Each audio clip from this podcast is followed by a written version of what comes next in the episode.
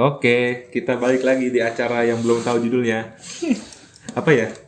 Jadi di sini segmen ini kita bakal apa? Di, bakal ngebahas Bakal- kita bakal baca-baca berita ya. Baca-baca berita Baca-baca tolol. berita yang kita dapatkan eh, dari Twitter dari mana pun itu yang sekiranya menarik lah. sekiranya menarik lah untuk dibahas gitu loh.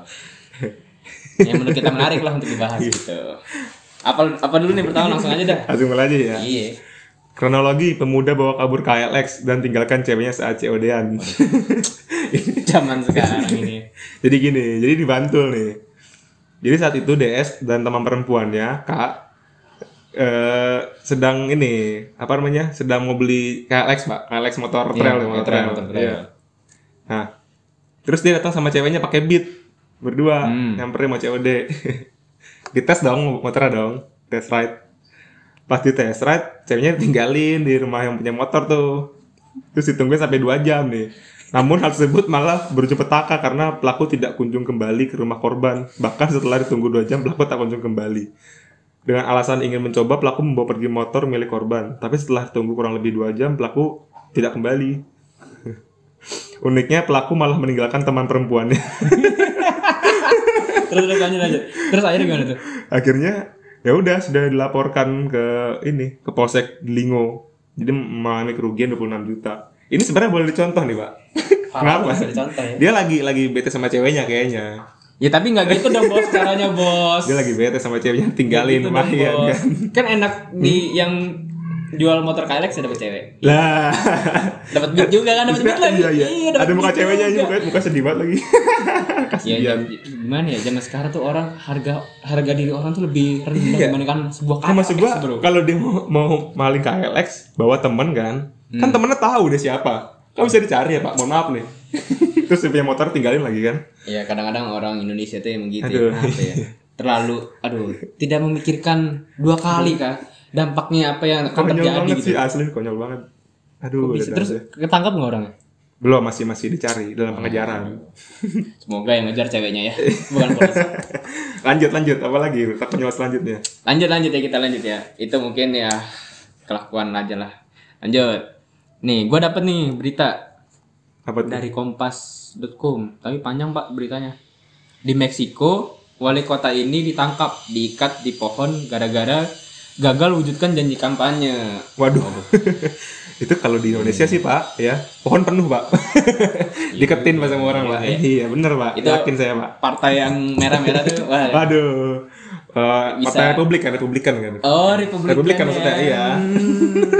kita nggak bisa menyebutkan lah partai itu mana negara lain lah. Negara lain, negara Bukan- lain. Indonesia mah nggak mungkin sih. Nggak mungkin, Indonesia bersih nggak kok, bersih. Nggak mungkin wali kotanya begitu. nggak mungkin. nih gue bacain ya Iya.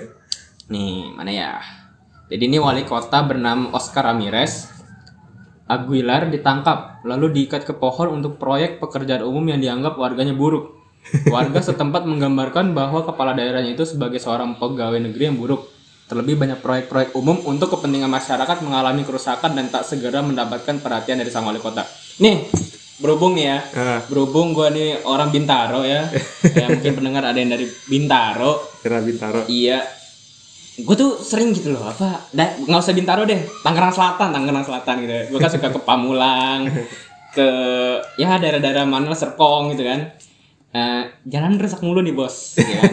iya jalanan rusak. Iya. Ini ini contohnya kasus sama nih kan, jalannya rusak soalnya proyeknya menurut warga buruk, apa rusak gitu kan. Kemarin juga pas pilkada eh, apa pilkada kemarin tuh 9 Desember 2020 Oh iya betul. kan sebelum pilkada seminggu sebelum tuh jalan Ciater tuh Serpong Oh, iya. diaspal pak Waduh, Di biasa aspal. biasa itu. iya sebelum pilkada seminggu sebelum pilkada tapi Eh, bikin kecelakaan orang pak Ah, bikin serius lu? kecelakaan iya gara-gara pasir-pasirnya rusak pak Oh. jadi itu licin ya? bekas proyek atau apalah pokoknya bikin banyak orang korban lah di sana cocok tuh pak wali kotanya pak kita ikat pak Eh, itu Tangsel kan? tangsel Tangsel kemarin itu si siapa ya? banyak eh Menang kan sekarang? iya Menang nah Iya loh. Men- nggak tahu menang apa enggak Incumbent salah dia kemarin. Ya, eng- oh iya incumbent Incumbent ya? Bener, bener, bener. Incumbent. iya incumbent wakilnya Wakilnya wakilnya incumbent, iya.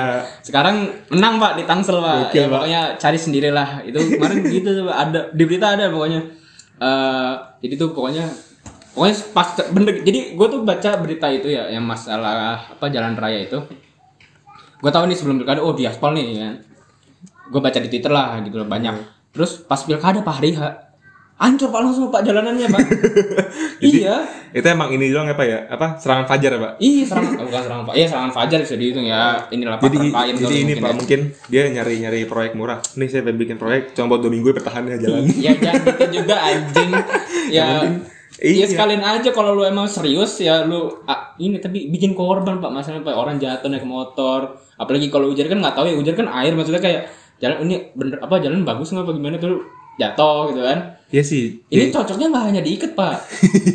Iya. Diikat- diikat kan? Di, diikat di aspal aja pak. Oh, nggak, iya suruh suruh itu tuh bersihin nyapu pasir gitu pak.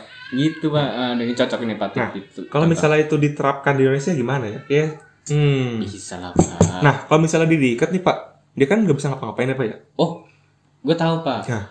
biasanya kan mohon maaf nih ya mungkin orang orang sebagian percaya kan kalau kita diriin bangunan ya kan Hah. eh, Oh. perlu tumbal perlu tumbal Iya, iya, kan iya. perlu tumbal Biasanya kepala sapi. iya kepala, kepala sapi babi. kepala babi atau apalah gitu Heeh. bahkan ada yang orang pak kabarnya Oh, iya? gue nonton nonton Di Kalimantan juga sih, heeh. ya orang jadi tumbal gitu kan Mm.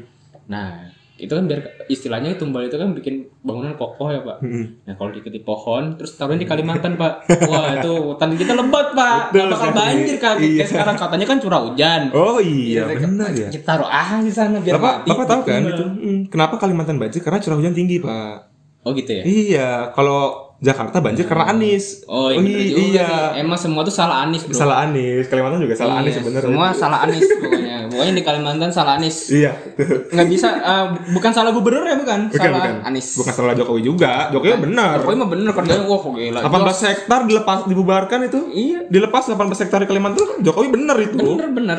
Kasih apa proyek Demi ekonomi bangsa kan? Oh iya. Oh, iyalah. Demi, demi, demi para pendengar nih sekarang denger nih biar ekonomi lu jalan, biar punya Iya. uang, Ah, betul. lapangan pekerjaan.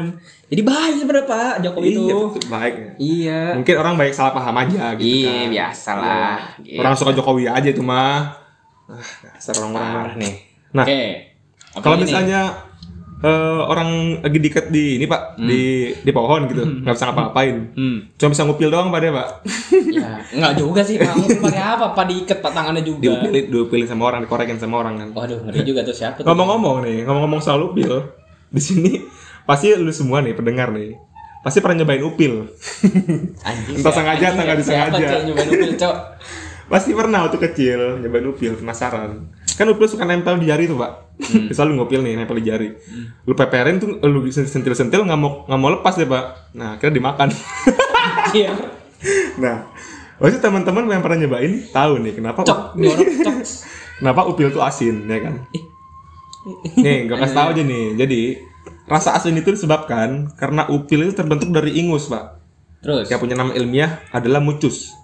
Nah, Mucus. ingus ingus ini tuh eh, ada 95% air, terus 3 persennya itu protein, Hmm. dan 2 persen itu garam. Nah, makanya kenapa asin gitu, Pak. Hmm. Mohon maaf ya ngapain gunting kuku, Pak. Ya, sakit pak mohon maaf ya lanjut lanjut Jadi ya begitulah kenapa tapi itu asin ada garam. masa iya sih orang pikiran buat nyobain upil gitu Eh tapi ada protein ya pak? oh jangan-jangan Berarti ini hmm. bisa buat ini coy makanan para deadwood Dari apa? pengangguran pak Baru tahu deh. iya jadi eh, nggak punya makanan nih kan nggak punya makanan upil aja di Itu emang udah hukum pak. Kenapa onta juga minum air kencing sendiri kan? Eh, lu tau gak sih? Ini gue beneran deh. Orang itu bisa minum air kencing sendiri tau? ya, bisa iya Iya bisa kan? Tahu. Misalnya darurat, misalnya lu di Bisa, bisa. hutan nih gak ada air, lu bisa minum Ya, air orang zaman purba gitu pak Iya kan? ya bisa Iya, karena masih ada mineral dan itu yang terkandung, walaupun ada racun. jadi jadi gini bro eh, bagi lu nih orang-orang yang nggak suka mubazir gitu ya maksudnya iya. suatu hal-hal yang nggak mau dibuang-buang dengan sia-sia apalagi kan lu misalnya semalam habis makan all you can eat gitu kan Iya, Wah, aha. protein banyak tuh daging Iya. sapi Eh, benar. nah lu lu pipis lu minum lagi aja Apalagi gini Pak, itu juga bisa mengurangi ling ini Pak, cemaran lingkungan. Kita kalau beli aqua gelas itu kan, oh itu plastik Pak, iya, buang-buang plastik. Kalau kencing nggak ada plastik ya bos? Iya. Lu tinggal minumnya Terus sudah minumnya gimana bos mau gelas Ya iya bener, pakai tangan lah tampung gitu bos, bisa. bisa bisa lah. Pokoknya bisa lu atur lah. Apalagi dit? apalagi ya? Kita lihat ya. Nih nih. Ngomong-ngomong nih bro. Mm-mm. Jadi gini bro, biasalah kita kan suka lihat fenomena eh public figure artis-artis gitu kan yang masuk ke politik kok. Wah, Oh banyak. iya banyak. Ya, banyak. Karena dia punya masa pak. Iya sebenarnya. punya masa. Biasa dipakai partai. Iya, cuman, betul. cuman alat doang sebenarnya. Pak. iya, alat doang. Iya. Nah jadi gini pak ada Sahrul Gunawan. Nah, siapa nih yang nggak kenal Sahrul Gunawan? ya? Ini gue ber dapat berita dari Kompas nih Kompas.com. Sahrul Gunawan ini katanya mau jadi wakil bupati Bandung pak. Oh gitu. Iya gitu. Itu mama, mama kapan sih pak ininya? Oh nggak tahu ya. Pilkadanya ta- belum ya? ah, oh pilkada Kabupaten Bandung 2020, Hah, udah lewat dong berarti.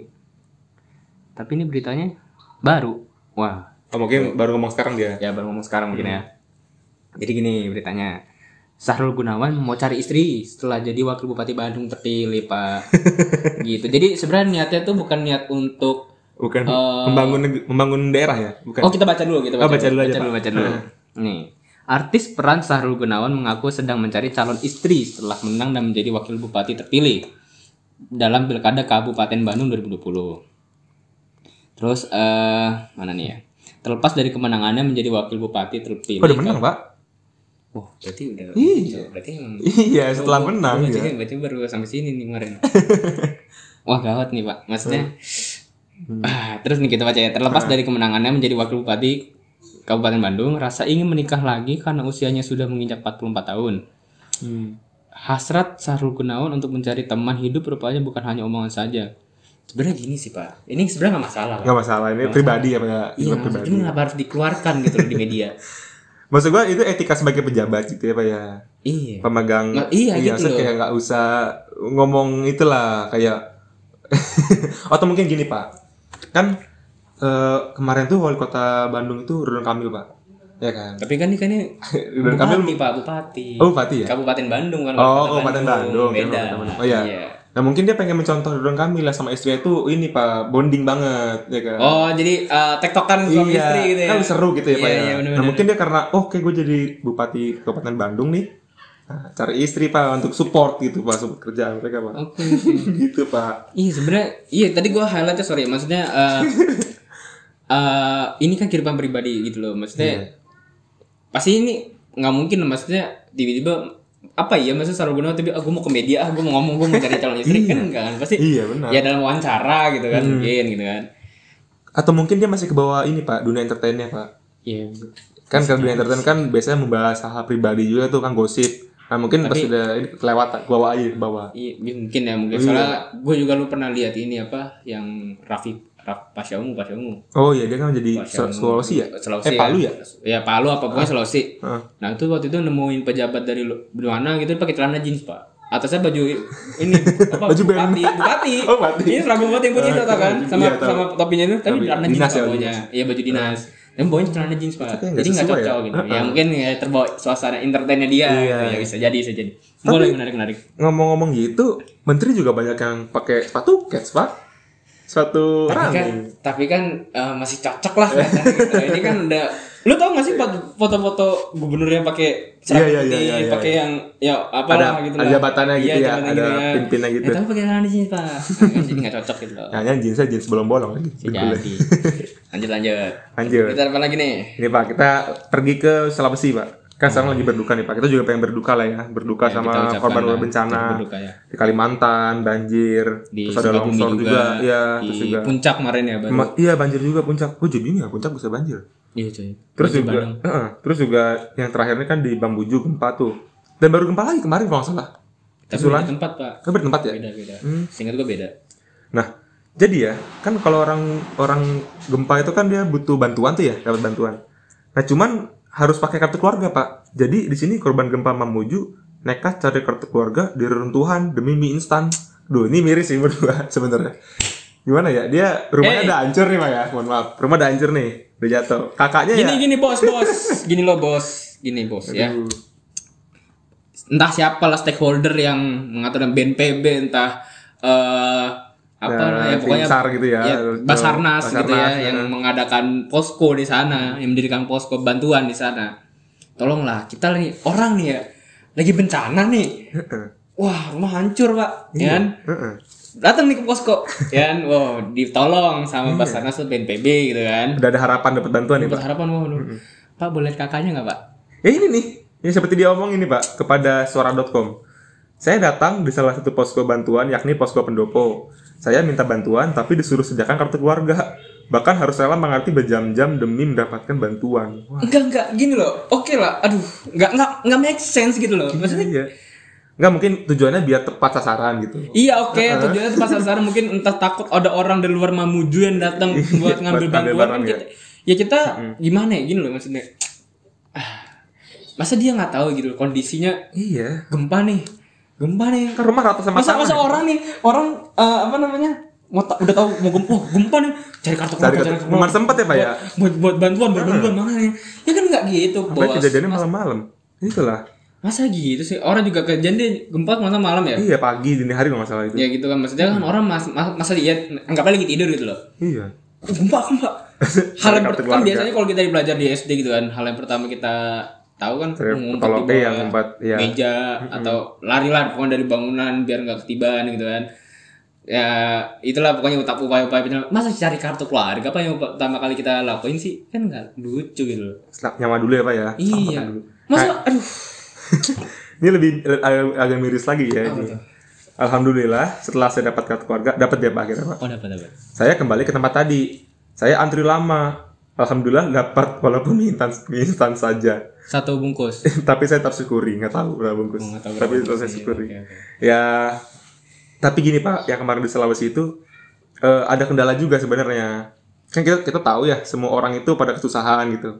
Semua orang pada eh, nggak kehilangan pekerjaan, kehilangan harta gitu pak. Iya, iya. Nah cuman sering eh, gue lihat di ini di berita tuh truk-truk yang bawa sembako, yang bawa-bawa barang-barang untuk bantuan itu Hmm. dibajak pak sama orang pak. Jadi lagi di jalan di stop gitu, rame-rame, diambil barang-barangnya pak. Aduh, itu maksudnya nggak tahu sih gue gue juga kemarin sempet denger tuh masalah itu ya katanya sih kalau nggak salah yang apa si Risma mensosnya sekarang tuh juga yang ngomong malah eh, jadi tuh emang katanya emang ada orang kelaparan gitu maksudnya ya korban juga gitu kelaparan jadi dia ngebajak duluan ngerti gak sih Nah iya, maksud gue gini pak, manusia itu emang kodratnya mungkin apa pun kalau lapar tuh ya di apa aja cari cara- ya. segala cara dilakuin ya. Cuman kan bukan bukan dia doang gitu yang butuh, Iya, itu kan takutnya jadi nggak bener juga pembagiannya. Maksud gue ya agak sedikit inilah kita lah kolaborasi gitu bekerja sama walaupun sama-sama musibah gitu. Iya. Pasti ada bantuan datang Iya. juga pasti kan. tapi kerjasamanya sama orang yang minta kakak pak gimana dong Iya juga ya. susah dong Oh gitu. kayak anggap aja banjir nih banjir bandang nih Heeh. kan banjir bandang tadi mana lah gitu kan maksudnya eh, banjir bandang kan rumah basah gitu kan Heeh. dokumen belum tentu ken- apa terselamatkan iya, gitu ah, kan betul. mintanya kan dulu keluarga pak misalnya gitu lah anggap aja gitu loh misalnya anggap aja kayak gini kejadian di setiap bencana gitu ya masa gitu sih Tapi kabar baiknya gini pak, kan awalnya dinas sosial Kabupaten Mamuju itu mewajibkan korban ingin mendapatkan bantuan itu harus pakai KK pak. Hmm. biar tepat sasaran kan tujuannya. Namun setelah protes itu banyak yang muncul, akhirnya dinas sosial di sana itu udah meninjau kembali kebijakannya gitu. nah gitu ya. Harusnya gitu pak. Iya, nah inilah kabar baiknya. Jadi semoga eh, semoga itu lah, inilah menjadi nggak masalah lagi lah. evaluasi lah ya Evaluasi, evaluasi Lanjut pak, apalagi pak? waduh apalagi nih ya kita Masih ada gak? Eh, kita lihat Duh, lu mau bahas ini nggak nih bro yang masalah tadi bro boleh boleh. gimana nih bro boleh. Jadi gini pak, masih berhubungan sama apa tadi? Eh, bencana. bencana Bencana di Indonesia ini. Nah, awal tahun berduka ya. iya mau tahu Nah, cuman ada yang ganjel dikit nih. hmm. Hmm. Di Kalimantan itu belum pernah banjir pak selama ini pak. Belum nih Belum pernah banjir pak. Da- katanya ini bencana 50 tahun terparah pak dan 50 tahun Betul, masalah banjirnya tuh bukan cuma sehari surut pak. Sampai sekarang belum surut-surut pak. Di Kalimantan itu. Hmm. Temen gue yang rumahnya di Kalimantan, dia Masih? eh, rumahnya padahal ini loh, rumah mewah gitu lah, elit lah ibaratnya. Cuma banjir tetap, banjirnya tinggi. Kasihan gitu mau belanja susah gitu kan. Nah, hmm, kata Bapak Presiden yang terhormat, terhormat Hmm. Dia bilang itu eh, curah hujan yang sangat tinggi menyebabkan kebanjiran di Kalimantan. oke Hmm. Sebenarnya ini agak kontradiktif ya, kontradiktif. Itu adalah eh, masalah alam lah, cu- curah hujan. Namun kenyataannya dalam periode Jokowi dari awal dia ini menjabat, saya pernah baca bahwa 18 juta hektar lahan di Kalimantan itu eh, dibebaskan pak. Dalam arti dilepaskan, eh, ditebang-tebang pohonnya pak. ke korporat lah Iya betul, korporat. Nah itu apakah itu bukan salah satu faktor banjir? Menurut saya itu, hmm, jadi gini pak Gimana eh, ada di ya berkaitan sama berita jadi masalah presiden kita yang apa yang ngomong wah ini banjir ini disebabkan oleh apa Curah namanya hujan. curah hujan ini. Jadi ada yang mengomentari pak dari Walhi. Oh, Ya iya. Walhinya Walhi Kalimantan Selatan yang komentari. Jadi ini eh bentar ya aku baca dulu ya. Iya, Pak, silakan. Nih. Ntar. Jadi gini kan, kita baca beritanya deh. Hmm. Nih, Direktur Wahana Lingkungan Hidup Indonesia, Kalimantan Selatan, Kisworo Dwi Cahyono meminta Presiden Joko Widodo tidak menyalahkan curah hujan sebagai penyebab banjir. Ah, Tuh. Jadi jangan Kisworo menilai kedatangan Jokowi ke lokasi banjir Kal- Kalimantan Selatan semestinya menjadi momen untuk berani memanggil pemilik perusahaan tambang, sawit, hutan tanaman industri atau HTI dan hak peng- pengusahaan hutan. Hmm. Nah gitu loh. Jadi eh apa ya? Jangan nyalahin cuaca ya, Pak ya. Bukan masa ya jangan nyalain cuaca yang pertama. Yang kedua ya. Dia tuh soal aduh mohon maaf ya. Aduh mohon maaf nih, Pak. Eh, jangan jangan Pak Jokowi kan denger pasti nih. waduh. Ah, iyalah Pak Jokowi jadi, kan jadi gini loh, waktu ya. gini loh. Jadi jangan istilahnya habis eh, melakukan sesuatu terus cuci tangan, Pak. Hmm, Iya juga ya. Iya. Mm-mm. Jadi kayak masa iya sih cuci tangan gitu loh. Jadi kan dia ya maksudnya anggap aja bukan Jokowi saja gitu sama Iya, sama pemerintah-pemerintah sebelumnya Nah, ah. yang ya, istilahnya memberikan izin kepada perusahaan atau ya perusahaan Mm-mm. eh, apa sawit, tambang iya. eh, untuk diberikan lahan lah tuh untuk apa untuk uh, usahanya Mm-mm. gitu loh anggap aja gitu loh jadi kayak masa aduh ini perbuatan negara loh pak perbuatan negara sebenarnya kalau menurut gua Korbannya rakyat sendiri loh. korban rakyat yang di sana hujan Iya. di sana alam pak Iya, alam loh. alam hujan loh Iya. eh aku mau turun nih mau turun nih hujan eh banjir salah hujan paling cuma emang emang Masa hujan masa dari berapa puluh tahun terakhir itu nggak hujan curah hujan nggak pernah sebesar ini gitu loh. Pasti ada lah curah hujan yang besar juga gitu berapa tahun. Iya. dan juga gini loh anggap aja nih secara dangkalnya ya Mm-mm. lu pernah sih belajar geografi kalau negara kita tuh memiliki curah hujan yang tinggi Iya. negara Tropis hujan ya, kayak tropis, tropis, ya. negara tropis masa iya tidak terfikirkan kalau wah hujan kita tinggi curahnya kita buka tambang yuk Iya ayo. kan Cari gitu sih Dan gini pak masalahnya, eh korbannya itu warga-warga masyarakat ini ya Kalimantan gitu. Mereka dapat apa gitu dari hasil tambang Nah, dan perusahaan-perusahaan sawit itu? Gue oh gue tahu dapat apa, apa Pak? Ibu kota pindah ke sana pak. Oh iya, iya. Itu juga bukan keuntungan bagi mereka itu dapat ibu keuntungan. kota pak. Bener. Aduh. tapi ibu kota nggak tahu Tapi agak bersyukur juga ya, gara-gara covid kayaknya jadi susah pindah. Iya kan? jadi Habis ya, duit pak. habis duit ya. Jadi ya anggap jadi ah aku berharap gitu loh. Maksudnya kayak eh sebenarnya mungkin harusnya tahu loh pemerintah ini akibat siapa gitu loh.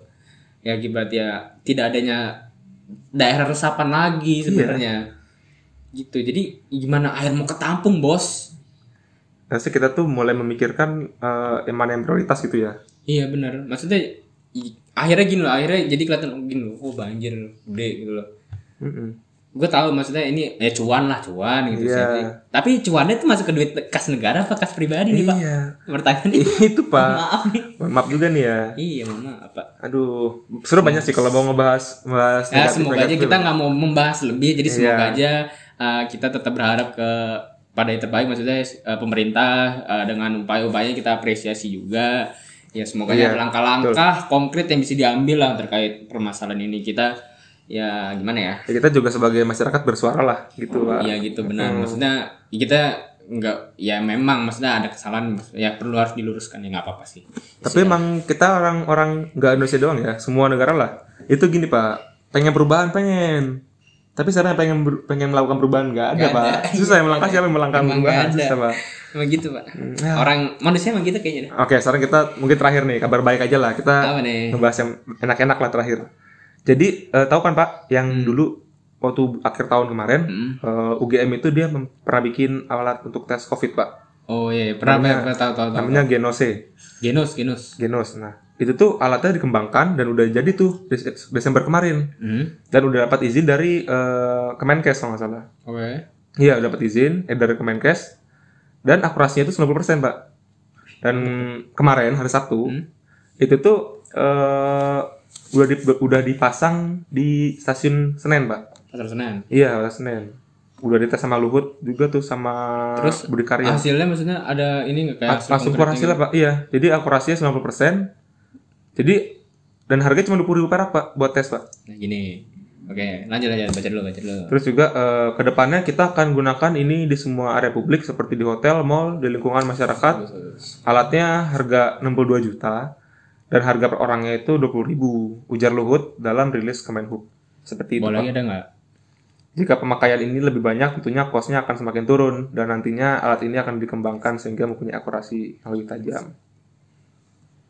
Oke, ya ini bagus ya maksudnya eh, adalah akhirnya sebuah harapan gitu ya maksudnya Karena ini bisa diakses orang banyak. karena kalau kita sekarang pengen pergi-pergi keluar gitu pak, izinnya eh izinnya ya untuk Hmm. dapat akses itu kita perlu antigen kan, swab antigen. Swab rapid tuh udah nggak boleh kan sekarang, rapid, Ya, rapid rapid, yang rapid yang pakai darah nggak boleh kan. Hmm.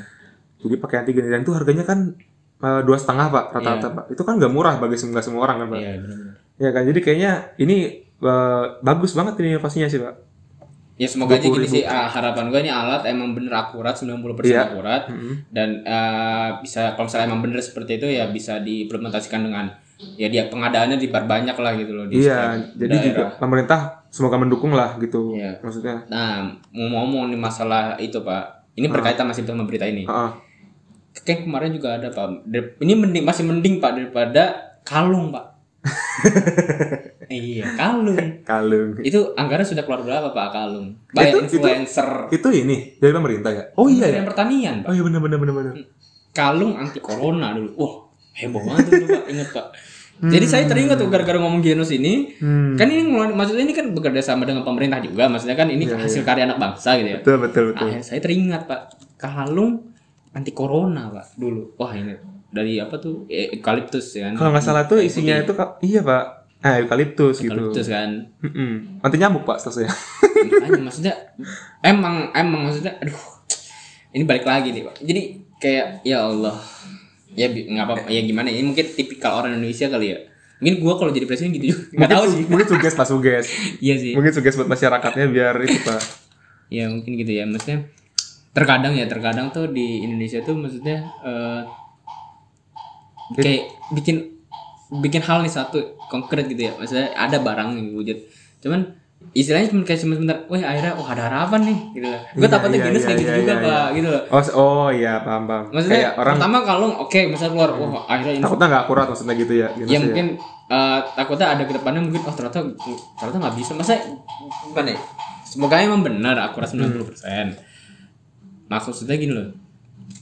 Masa ya sih gue gue mohon maaf ya gue mohon maaf banget eh, mungkin orang para pendengar mungkin ya ada yang nggak suka sama pandangan gue sekarang nih. Ah, apa apa pendapat. orang Indonesia maksudnya kan ya kita negara berkembang maksudnya kayak kita ka- misi- kita bisa mendahului eh, negara-negara maju gitu dengan penciptaan genos yang murah bagi orang-orang banyak Iya. mendeteksi corona ya bagus maksudnya ini Iya. sebuah ino- eh, apa ya gue bagus sebagai apa inovasi gitu loh Hmm. ya sebuah hal baru gitu kan cuman gue tuh skeptis gitu. Meragukan kebenarannya ya maksudnya. iya gue tuh takutnya gimana ya kayak anggap aja aduh kayak gimana ya eh misal gini jadi kayak dia ngasih data tuh ke orang nih kayak ke orang nih ke, ke media gitu kan dengan, dengan target eh, masyarakat cuman buat penenang sementara gitu loh. Oh, Iya, yeah, iya. 90% akurat. Ternyata pas berapa bulan kemudian nih diuji lagi, wah ternyata gagal pak. Ah gitu lah. Ah, iya sih, iya iya iya. Ya, ini gitu, perlu gitu. perlu riset lagi sih pak. Iya sih. Sebelum di ini lagi. Tapi udah diluncurkan sih ini. Ya semoga aja dengan harapannya benar 90% Ya, betul. gitu loh. Kalau itu bagus sekali. Iya kalau kayak kalung kemarin ya mending olesin minyak kayu putih gitu kan. Mm. Oke lah, udah kita ngobrol udah lumayan lama nih kan. ya. Kita udah ya udah ya, sebelumnya nih disclaimer nih, maksudnya kita jangan dengerin juga. Iya, kita cuma kita cuma ngebacain. ngobrol aja ya. Ngebacain dan opini dari kita aja gitu. pandangan kita aja gitu santai. Iya, kalau ada salah-salah ya sorry nih. Iya sorry banget ya. Jadi ya kita sebenarnya tidak berniat, temen ya mohon maaf sekali. Iya. kalau Misalnya ada kurang-kurangnya. Oke, eh, sampai bertemu minggu depan ya kita omongannya. Tapi judulnya apa ya? Lupa nih judulnya tahu. Mungkin ada saran kali dari teman-teman. Ya pokoknya ntar gue judul belakangan deh nantinya deh. Oke. Oke, Egan dan Arif dari sini pamit. Terima kasih teman-teman. Stay tune pokoknya tiap minggu.